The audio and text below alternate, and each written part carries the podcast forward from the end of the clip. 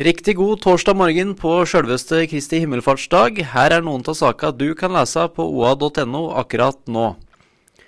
Sjokoladeeventyret på Gjøvik fortsetter. Nå har Gjøvik sjokolade kjøpt konkursboet til Smelt. Da Smelt gikk konkurs i forrige uke, var Gjøvik sjokolade raskt på pletten og kjøpte konkursboet. Mer om den saken på oa.no. I går var det premiere på årets utgave av Urbane totninger. Klikk deg inn på oa.no og les eh, anmeldelsen og se bilder fra den storstilte premieren. Her kan du, kan du også se opptak fra OA-TVs eh, sendinger eh, den kvelden.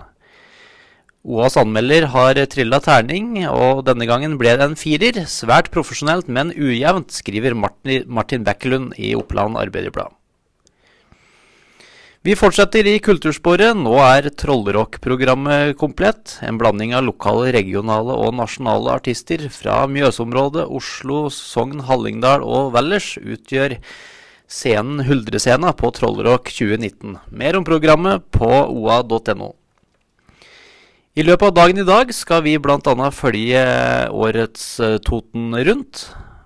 Så vi kommer tilbake med fyldige oppdateringer og ikke minst bilder fra den store dagen. Ha en fortsatt god dag.